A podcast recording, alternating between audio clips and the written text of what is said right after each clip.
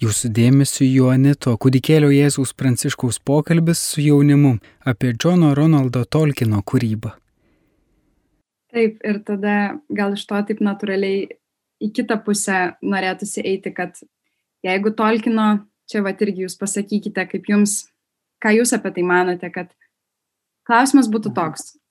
Ar Tolkino tikslas ir jei Tolkino tikslas buvo skleisti Evangeliją, ar jis jos neužmaskavo per gudriai? tai va, pirmiausia, tai tikrai nebuvo jo tikslas skleisti Evangeliją, bent jau nebuvo pirmasis, nebuvo sąmoningas tikslas skleisti Evangeliją. Tai buvo jo hobis. Ir e, jis pirmiausia rašė savo ir savo vaikams, nes kai jo sunus Kristoferis tarnavo aviacijos British Royal Air, Air Force, tuose karinėse oro pareigose per antrąją pasaulinį karą, Tolkienas siūsdavo gabalus žydų valdovo, ką tik šviežiai parašytus savo sūnui, kad, nu, taip jį pastiprinti. Tai būtent visi, visi tie skyriai iš Mordoro, kai, kai Frodas su, su Semu eina per Mordorą. Tai irgi toks buvo jo kaip palaikymas sūnui. Ir tik vėliau, nu, va, kažkaip susidėjo ta knyga. Ir jis rašė tikrai širdies jis, tai buvo jo hobis, tai buvo jo pasaulis, jis tame pasaulyje gyveno, tame pasaulyje kentėjo, tą pasaulį mylėjo. Ir jis iš pradžių net nematė, kad jis skleidžia Evangelijos šviesą, tas viduržėmės pasaulis, kurį jis, sukūrė. Ir tik tai jo draugas, šitas jėzuitas Morrow, kuriam jis davė paskaityti rankraštį, jisai kai perskaitė, sako, ar tu, ar tu matai, ką tu parašiai. Čia grinai katalikiškas veikalas ir yra tos garsiosios eilutės Tolkino, kai jisai atrašo, nes yra didžiu, irgi didžiulis Tolkino laiškų tomas, kurie baisiai įdomu skaityti, koks jis žmogus buvo. Ir, ir kus atrašo tam jezuitui, savo draugui, sako, be jokios abejonės žydų valdovas yra fundamentaliai religinis ir katalikiškas veikalas. Ir ten toliau tęsė sakydamas, iš pradžių nesąmoningai bet antrą kartą skaitant visiškai sąmoningai. Jisai pripažino, kad jisai rašydamas, jis sudėjo ne tik visą savo kaip kurėjo širdį, bet ir savo kaip kataliko pasaulyje žiūrą. Pats to nenorėdamas ir nesiekdamas tam tikrą prasme.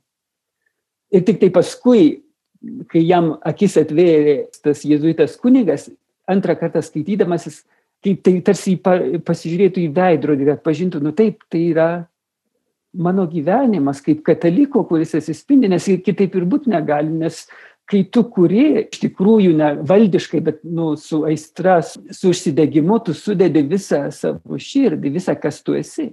Ir jeigu tu esi giliai tikinti žmogus, neišvengiamai, neišvengiamai tu perteiksi tai, kas yra giliausia ir svarbiausia tavo gyvenime ir tavo sielui.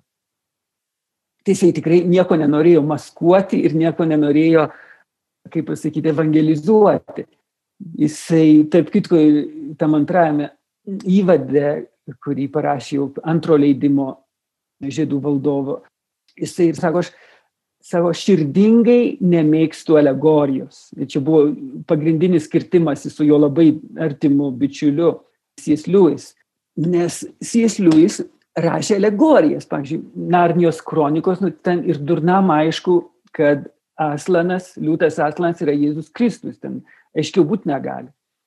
Ir todėl visokie tokie hipiai ir, ir, ir tų jau šešto dešimtmečio ir visi tie laisvamaniai, jie net neskaito, nes, nu, tai aišku, kad yra ta krikščionybė. O Tolkina visi, kaip, kaip ir pati Teodora man rašė tokias ištraukas, ne, kur, kur tie neopagonys labai save pažįsta tuose Tolkieno veikaluose. Ir, ir tai yra suprantama, nes tai yra tokie bendražmogiški dalykai, bendražmogiškos vertybės, kurios Evangelija pastatyti yra ant tos gerosios žmogiškosios prigimties ir ją sukilnina ir išgrynina. Tai čia yra natūralu, kad žmonės, kurie tikrai trokšta gėrio, grožio, tiesos, jie, jie pažįsta to savo toje Tolkieno kūryboje visiškai nedėdami jokių religinių kategorijų. Bet tuo pačiu, kadangi, kaip jau minėjau, Tolkienas būdamas katalikas, gilus gyvo tikėjimo katalikas. Jisai kasdien, praktiškai kasdien dalyvaudavo mišiuose, kada galėdavo net ir patarnaudavo mišiuose. Jo vyriausias sunus John Tolkien be bejonės nebe tėvo įtakos buvo katalikų kunigas taip pat.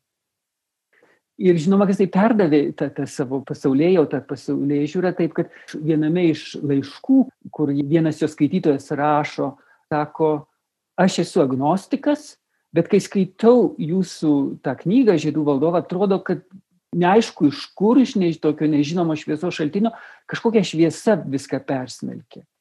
Ir, ir Tolkienas atsako taip irgi labai įdomiai, sako, suprantama, nes ta šviesa nėra iš manęs, ji ateina per mane ta šviesa.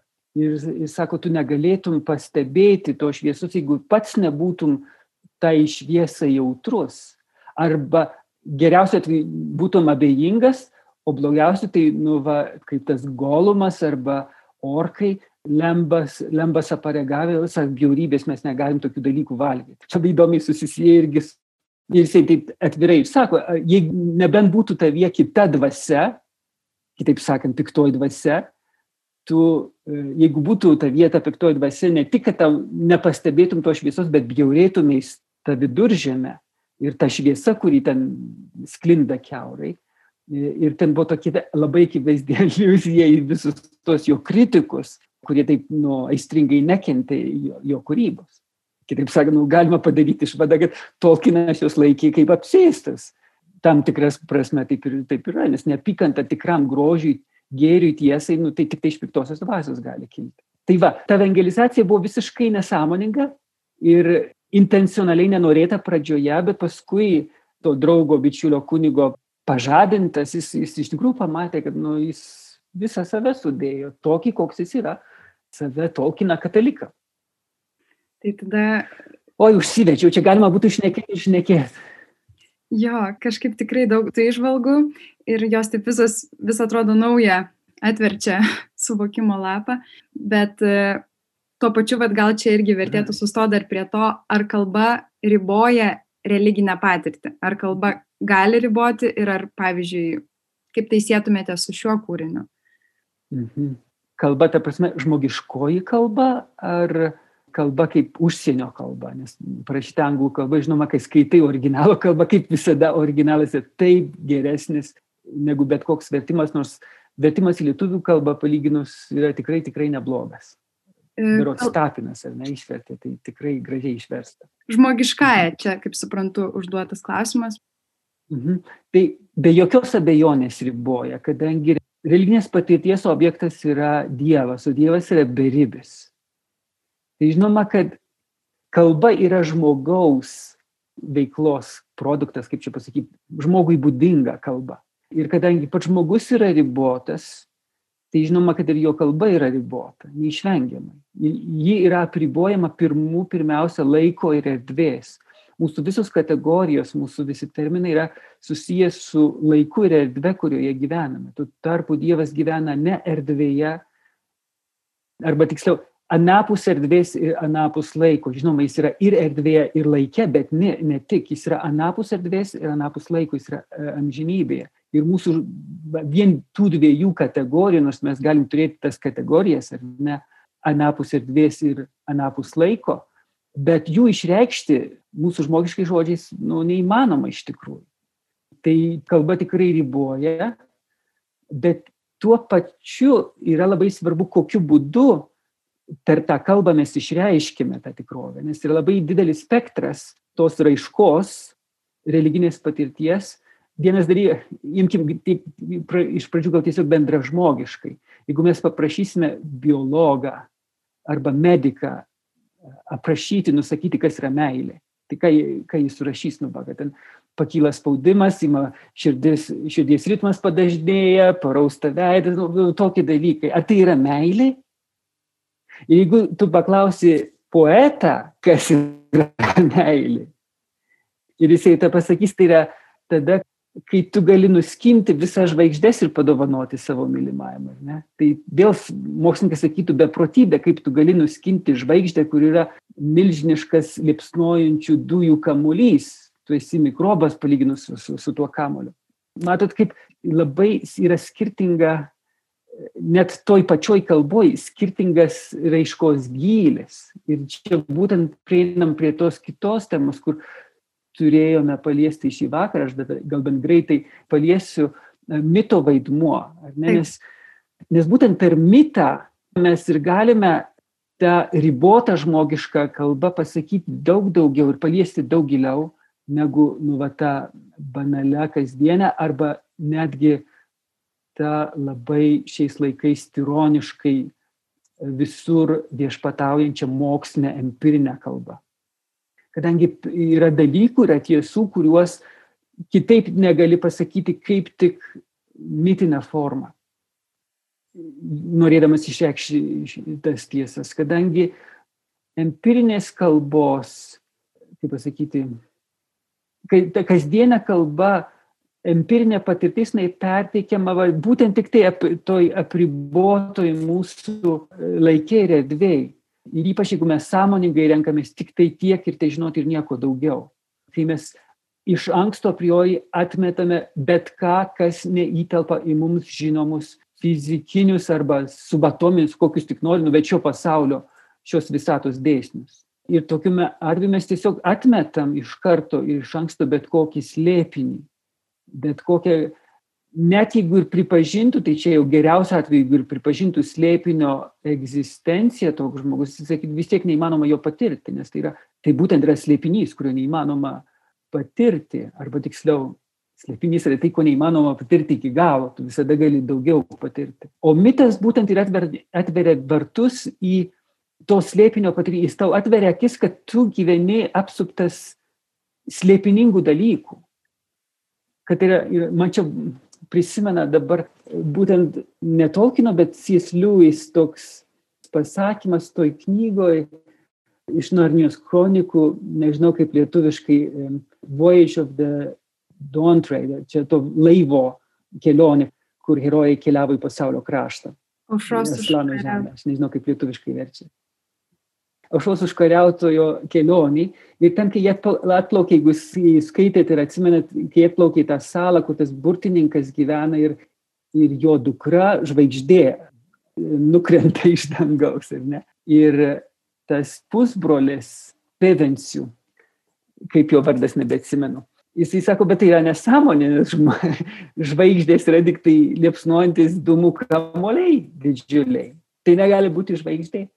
Ir tas būtininkas atsako, mūsų pasaulyje žvaigždė yra, yra kas kita. Tarp kitko, net ir jūsų pasaulyje žvaigždė yra kai kas daugiau negu vien tik liepsnojantis dujų kamolys. Tai yra ir liepsnojantis dujų kamolys, bet tai yra kai kas daugiau negu vien tai. Ir jūsų pasaulyje. Tai čia, man atrodo, ir daugiau jis toliau neplėtoja. Ir man, man čia labai graži to, šita Luiso aluzija tokia, kad va, būtent per mitologinį žvilgsnį į pasaulį, kai matai grožį pasaulio, tu gali išvelgti anapus tos išmatuojamos, apčiupiamos, pasveriamos regimybės, tu gali prisiliesti slėpinį. Ir jį tau labiausiai būtent yra atveria poezija ir mitologija.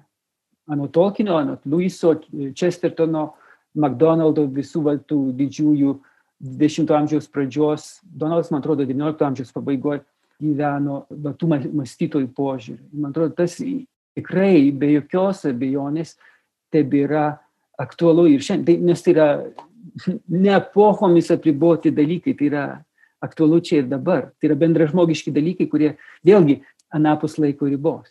Tai žmogiška kalba tikrai riboja, analogiškai galime kalbėti ir apie Dievo kalbą, bet Dievo kalba yra vienas vienintelis žodis, kuris nuolat sakomas ir tai yra vienintelis žodis, kurį Dievas sako, tarė visam žinybę. Va, tik vakar ar už vakar skaičiau Švento kryžiaus Jono šitą mintį, kad tai yra žodis, kuris yra sakomas Dievo visam žinybę tyloje ir jį galima išgirsti tik tai tyloje. Bet tu niekada jo viso ne, nepimsi, nes yra tariamas Dievo visam žinybė ir tas pats žodis yra Dievas. Tai va tik tai Dievo kalba yra neribota, bet žmogaus kalba dėja yra ribota.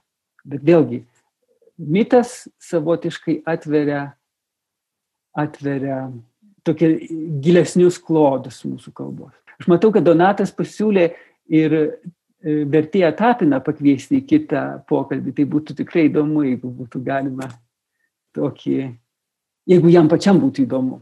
Aš nežinau, kokie dabar jo interesai yra. Nes jis labai jaunas iš tikrųjų išvertė tą žydų valdovą, kas irgi labai, labai gražu nu, labai toks gražus, milžiniškas darbas, nes tai yra tikrai nemaža knyga išversti lietuvių kalbą.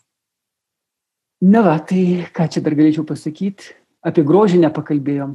Ką čia galima labai greitai apie grožį pasakyti? Žiūrėjau, ką aš apie tą grožį buvau ten parašęs. Tai man atrodo, labai puikiai Solženicinas yra pasakęs, aš jeigu surasiu greitai tą jo citatą, kai jisai buvo apdovanotas Nobelio premiją, literatūros Nobelio premiją, jisai tokį, tai pasakė. Ko gero, ta senoji trejybė, tiesos, gėrio ir grožio trejybė nėra vien tik tai e, paprasta, tuščia ir nublankusi formulė, kaip mes galvojame mūsų per daug pas, savimi pasitikinčios materialistinės jaunystės laikais. Jeigu šitų trijų medžių viršūnės susieina kartu, kaip mokslininkai sutarė. Bet tiesiog aiškus tiesos ir gėrio kamienai yra nulaužti, nupjauti, jiems neleidžiama aukti, tada ko gero fantastinis, nenusakomas, netikėtas grožis, išdykstantis iš jų, vėl juos kartu suvienys ir suvešės toje pačioje vietoje ir tokiu būdu atliks visų trijų darbą, ta prasme ir tiesos, ir gėrio.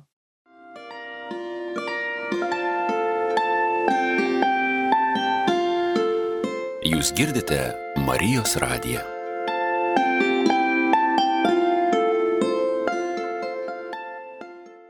Tai grožis iš tikrųjų, ko gero, čia paskutinis būdas dar prisibelsti į šio laikinio žmogaus širdį, kadangi tiesa daugam šiais laikais, jei iš vis yra pripažįstama, tai jinai yra nuobodi, lėkšta, apie gėrį irgi nekalbam, nes kas, žodžiu, problema šiais laikais yra relativizmas kas iš tikrųjų yra tiesa ir kas iš tikrųjų yra gėris. Tai va, labai įdomu, kad nepaisant to intelektinio relativizmo, kad tiesos nėra, vis tiek viešajame diskurse, viešuosiuose debatuose vis tiek kalbame apie tiesą, bet kokią tiesą. Ir jinai tiek yra užpilta visko, kad tu net kapstysi, kur ta tiesa iš tikrųjų yra. Nes ir vieni, ir kiti traukia antklodę į savo pusę ir, nei vieni, nei kiti nėra teisūs, nei, tarp kitko, nei vieni, nei kiti nėra neteisūs. Čia labai su, tokia sudėtinga situacija. Su gėriu taip pat, kas iš tikrųjų yra gera, kas iš tikrųjų yra gėris, kas yra moralu ir kas ne. Ir čia vėl viskas taip klaikiai sumaišyta. Ir galėtume sakyti, kad ir apie grožį tada neaišku, nes nu, tai yra taip subjektivu, kas vienam gražu, kitam bjauru, ar ne. Bet vis tiek yra tam tikri objektyvūs elementai, grožyje. Gal tiesiog pabaigai, vat, taip susiaurinti šitą vat, grožio aspektą, kad kokia yra teologinė grožio prasmė. Gal tai pratestų. Jo, ir čia bus paskutinis, tada aš jau. Tai aš sakyčiau, kad įdomiausias dalykas grožyje yra tai, kad jis yra ir objektivus, ir subjektivus. Jis yra objektivus, ta prasme, kad jisai atitinka tam tikrus kriterijus, kuriuos šventasis Tomas Akvinėtis apibrėžė, remdamasis ankstesniais mąstytojais. Tai yra harmonija, tai yra spindesys, o trečio aš net nebeatsimenu, reikėtų pasižiūrėti. Harmonija, spindesys ir dar kažkoks trečias bruožas. Gal aš pasižiūrėsiu paskui, atrasiu, kažkaip iškrito iš galvos, nebeatsimenu. Ir yra tas subjektivus aspektas, kad grožis yra kue vizu placet. Latiniškai tai, kas žavi mūsų akis. Na, tai, kas kažką pajudina mūsų viduje, mūsų širdį. Man atrodo, yra vienas labai įdomus dalykas. Jau filosofiškai žiūrint yra tas klausimas, kurį berots Leibnicas pirmasis taip suformulavo, kodėl vis dėlto yra kažkas negu nieko. Jau pats, pats tas faktas, kad yra kažkas, yra toks intriguojantis ir slėpiningas. Nes nu, viskas būtų daug paprasčiau, jeigu tiesiog nieko nebūtų. Kodėl kažkas vis dėlto yra? Tai čia pirmas žingsnis. Antras žingsnis, kad tas kažkas, kas yra, kitaip sakant, visas mūsų supantis pasaulis, jis yra suprantamas. Tai mums tai atrodo savaime aišku tokie dalykai, duotybė, bet tai nėra tokia jau savaime aiški duotybė. Jeigu aš sugebu suprasti pasaulį, jeigu aš turiu tą galę perskaityti pasaulį, ne, vadinasi, jame yra įdėta kažkokia prasme, kad jis yra suprantamas. Nu, jeigu imtume tokį pavyzdį, kur yra tiesiog lapas prirašytas bet kokių raidžių, kur tu matai, nu, kratinys, bet tu nieko nesupranti. Ir kai tu skaitai tekstą, kuris yra suprantamas, kuris yra išreiškintis kažkokią prasme. Tai va čia, čia tas antrasis lygis būtų, kur tu supranti pasaulį, jis yra suprantamas, jis nėra jovalas. Jau paprasčiausiai iš tų fizikinių, biologinių, kokių tik nori dėsnių pusės žiūrint, kad jis yra tvarkingas. Ir kad net ir bardakas, kuris yra pasaulyje, jis yra tvarkingas tam tikrą prasme. Tai irgi yra vėl didžiulis, didžiulis slėpinys ir, ir užklausa, kodėl jis yra suprantamas tas esantis pasaulis. Jau pirmiausia, kodėl jis iš vis yra, antra, kodėl jis yra suprantamas ir trečias žingsnis, kad jis yra gražus. Kai tu žiūri, na, aš manau, kad ir miestė išėjus naktį galima pamatyti, bet čia kalnuose ypač gražu, kai naktį išeini ir nėra jokių miesto šviesų ir tu matai tą daugybę žvaigždžių, tai yra taip gražu. Arba kai tu žiūri į tų kalnų peizažą, ypač kaip jie apsnigti sniego, saulė kyla virš jų, taip gražu. Tas grožis į tave kabina dar giliau negu tas suprantamumas arba esamumas kabina intelektą, nes tai, tai kabina tavo gelmes, tavo sielą, tavo širdį, tavo jausmus, ne, nebe vien tik tai protą. Ir būtent tas grožis labiausiai, ko gero, dar labiau negu pasaulio suprantamumas, pasaulio grožis dar labiau tau sako, kad turėtų būti ne tik tas, kuris teikia egzistenciją šiam pasauliu, ne tik tas, kuris teikia prasme ir suprantamumą šiam pasauliu, bet ypač teikia grožį, kuris mane traukia, kuris mane žavi, kuris yra geras, kuris mane daro laimingą. Grožis žmogų daro laimingą. Todėl, kad grožis yra tiesos ir gėrio mikstūra, mišinys, kaip čia pasakyti. Ir todėl jis kabina daug daugiau negu vien tiesa arba vien tik gėris.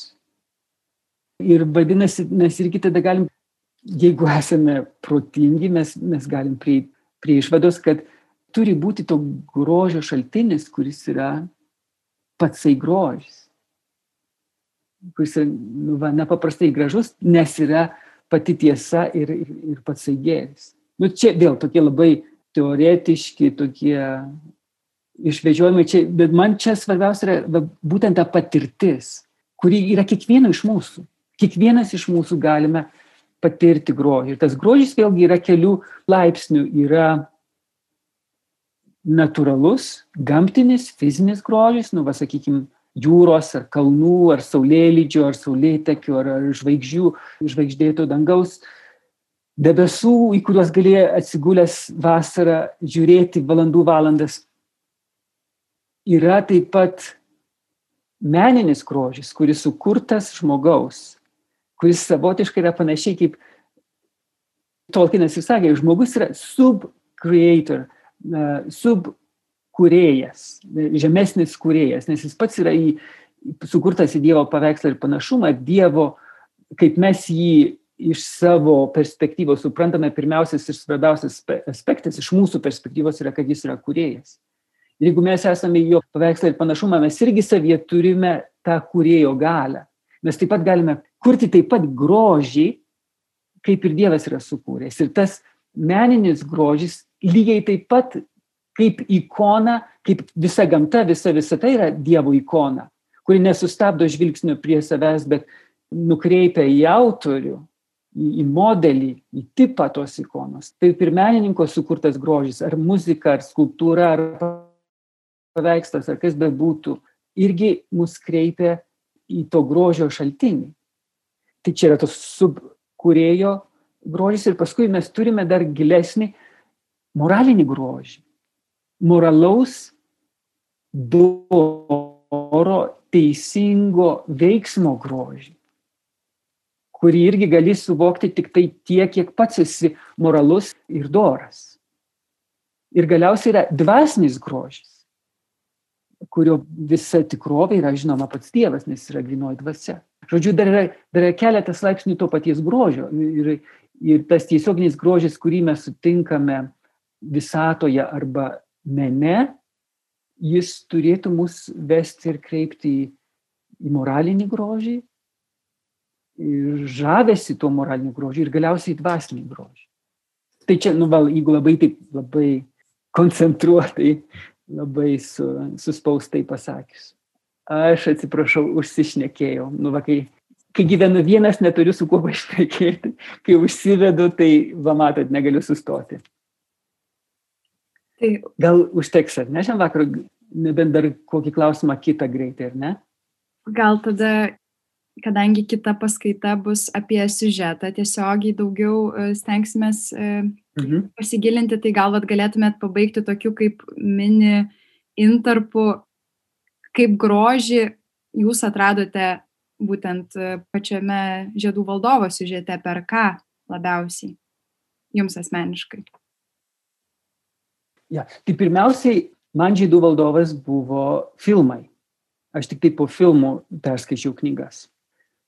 Ir filmuose, aišku, kad, man atrodo, tie pirmieji filmai buvo tokie populiarūs, todėl kad jie buvo pakankamai ištikimi knygai. Hobbitas jau visiškai kitas atvejis. Ta prasme, filmų trilogija Hobbitas. Ten yra tokių dalykų, kur, nu, aš sakiau, kai žiūrėjau Tolkienas turėtų savo kape vartytis, kad nikštukas įsimylė elfę, nu čia dar, dar, dar, bet kad elfė įsimylėtų nikštuką, tai yra metafiziškai neįmanoma Tolkieno viduržėmį, tai yra tiesiog neįmanomas dalykas. O, o ten va, visas siužetas apie šitą meilės istoriją sukasi. Tai žiedų valdovo pačiam filmė, man atrodo, buvo tai, kad jį buvo pakankamai ištikimas knygos siužetui šitas filmas. Nu, žinoma, Naujoji Zelandija yra beproto, beproto graži šalis, tai ką galima ir, ir, ir tuose epizoduose pamatyti filmo, kur gamtos grožis labiausiai atsiveria.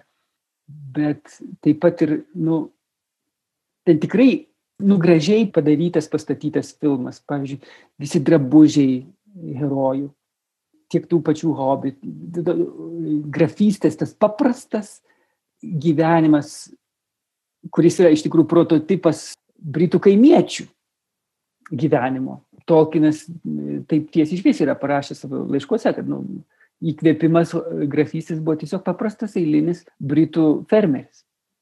Bet tai yra gražu, tai ir gražus tas gyvenimas savo paprastumu. Elfų grožis, Rohanų karių ir gyventojų, žodžiu, tikrai gražiai padarytas, tai, tai tas irgi jau kabina. Ir paskui, kai skaitai, pačią knygą, vėlgi grožis žiedų valdovai yra keliuose planuose, jeigu taip galima sakyti, yra tas moralinis grožis. Didvyriškumo, atsidavimo, pasiaukojimo, draugystės grožis, va, tų moralinių dvasinių dalykų grožis ir tų visų peizažų aprašymas. Tie Misty Mountains, kaip dabar lietuviškai buvo išversta tikriausiai miglotieji kalnai, ne, nežinau, nebeatsimenu lietuviškai. Ten irgi Tolkienas rašė, turėdamas omeny Alpes, nes jis kai keliavo jaunas būdamas į Alpes, jis paskui vienam iš savo laiškų yra parašęs, kad nu, va, ta kelionė jam buvo įkvėpimas e, aprašant viduržėmės kalnus kur tarp kitko ten irgi apvaizdus dėka jis mažai trūko, kad būtų žuvęs tuose kalnuose su grupe, kai jie ten keliavo, kadangi įvyko griūtis, neatsimenu, ar prieš pat jį, ar iškart po jo. Ir tada žinoma, kad iš tos patirties jisai tą, tą patirtį sudėjo ir į tuos visus pavojus, kurie aprašyti e, žiedų valdoje. Ir, nu, va, ir paskui paskutinis aspektas, tai aš ir dabar skaitau savaitgaliais pasiskonėjimui skaitau žydų valdovą angliškai, nes angliškai iš tikrųjų nebuvau visos skaitęs. Tai va paskutinis aspektas yra beprotiškai graži anglų kalba, kurią Tolkienas rašo šitą savo knygą ir aš tiesiog skaitau ir, ir skaitau dar kartą ir dar kartą, nes nu, taip gražu. Kaip bet, kokios, bet kokia kalba, kur yra gražiai vartojama, nu, yra gražu, yra gražu. Tai va, dar ir šitas aspektas, kad yra parašyta nepaprastai gražia anglų kalba. Tai va, viskas tiesiog užbūrė. O šiaip tai dar galima irgi toks, kuo aš baigiu savo knygelę, tai ten yra labai puikus apibendrinimas tokio Bernatal filologo. Jisai sako, mano studentai Tolkieną myli dėl e, priežasčių, kurių jie patys iki galo nesupranta ir aš galiu tą patį pasakyti apie save. Bet taip yra su kiekviena didžia knyga. Skaityti Tolkieną tai reiškia būti įtrauktam į vieno žmogaus šventumo viziją, į viziją, kurią jis pats suprato tik iš dalies, tarsi sužavėtas tyrinėtojas, grįžtantis iš naujai atrastos žemės. Skaityti ir iš naujo skaityti Tolkieną su malonumu, patirti tą pasaulį su Tolkieno nuostabos pajutimu ir šventumo pajutimu, tai būti sukrikščionitam, galbūt net to nežinant, būti pakviestam į artumą to, kuris yra grožis anapus šio pasaulio ribų. Ir, ir taip toliau, žodžiu, ten, ten tokia ilga ištrauka, bet labai gražiai apibendrinama, kodėl šitas kūrinys yra toks žavintis ir toks patraukintis. Tai pirmiausia, dėl būtent to grožio, kuris ten yra visas sudėtas. Aš sakyčiau, net krikščionybės grožis yra Kristos grožis sudėtas, kadangi Kristus buvo Tolkino gyvenimo centras ir esmė. Girdėjome Jonito kūdikėlio Jėzaus Pranciškaus pokalbį su jaunimu apie Džono Ronaldo Tolkino kūrybą.